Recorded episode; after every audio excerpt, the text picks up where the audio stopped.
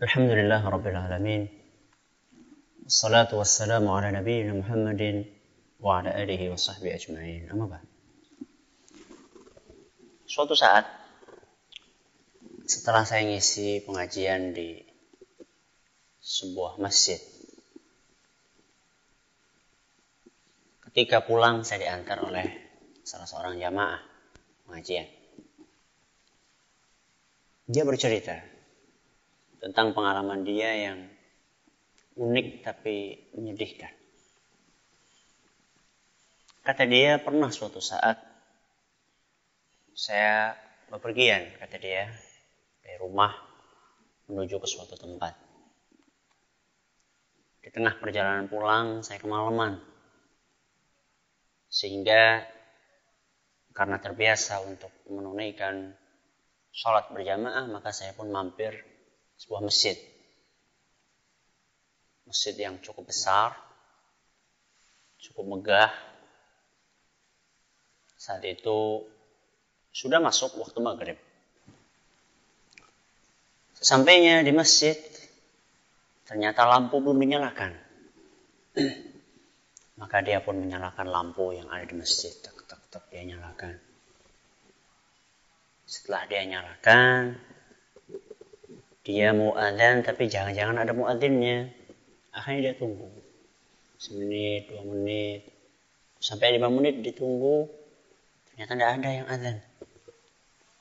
Akhirnya wah ini mungkin muadzinnya lagi ke mana.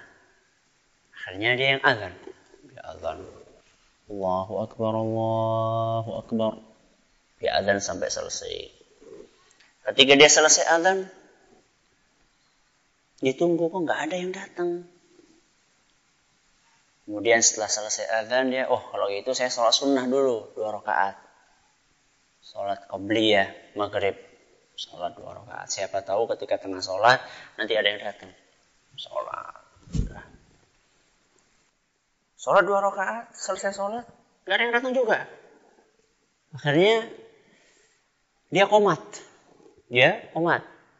Dia pikir biasanya kalau orang itu ke masjid kalau udah dengar komat. Mereka akan lari-lari kalau udah dengar komat.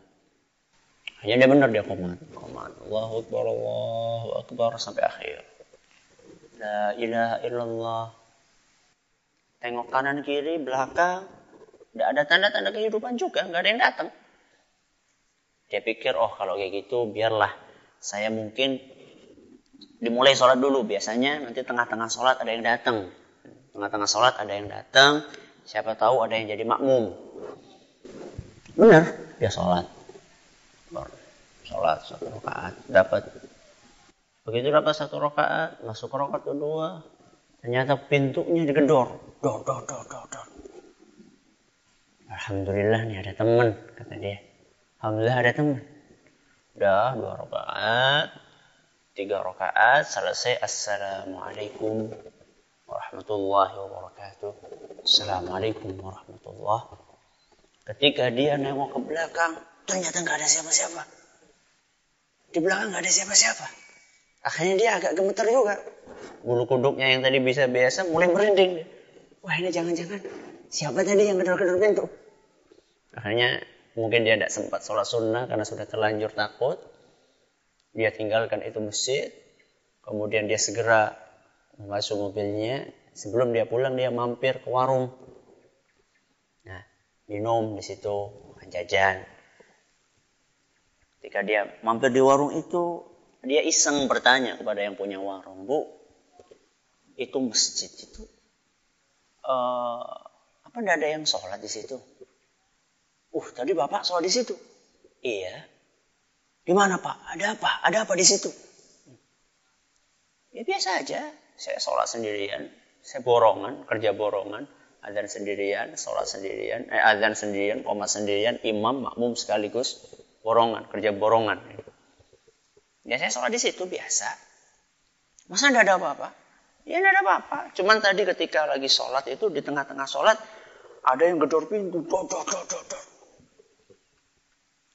Kata orang uh, kata si pemilik warung, nah itu masalahnya. Itu masalahnya kenapa pada nggak sholat di situ. Loh kenapa emang? Itu masjid angker. Itu masjid angker. ketika saya dengar kata-kata itu subhanallah. Kalau ada masjid rumahnya Allah subhanahu wa ta'ala berubah menjadi tempat yang angker. Itu salah siapa?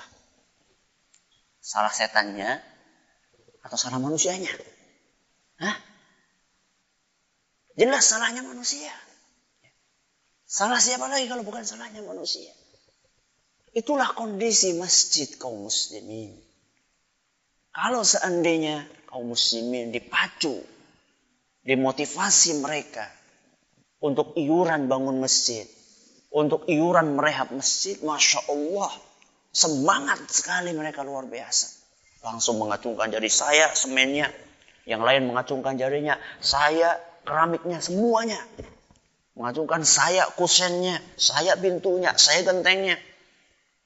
Giliran suruh bangun, giliran suruh ngerehab masjid, semuanya berada di garda yang terdepan. Setelah jadi, giliran ngisi masjid, apa kata mereka? Semuanya mundur ke belakang.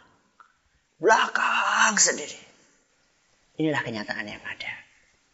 Saya bukan sedang mengatakan jangan bangun masjid. Saya bukan sedang mengatakan jangan rehab masjid. Tapi janganlah cukup sampai di situ. Ya. Kita itu dituntut bukan hanya untuk membangun masjid. Tapi kita juga dituntut untuk memakmurkan masjid. Sejauh mana kita memakmurkan masjid? Kita manusia yang ada umurnya. Yang sudah tua-tua. Sekarang yang ngisi masjid coba lihat. Nah, udah batuk-batuk, udah bungkuk-bungkuk. Nah, udah peot-peot.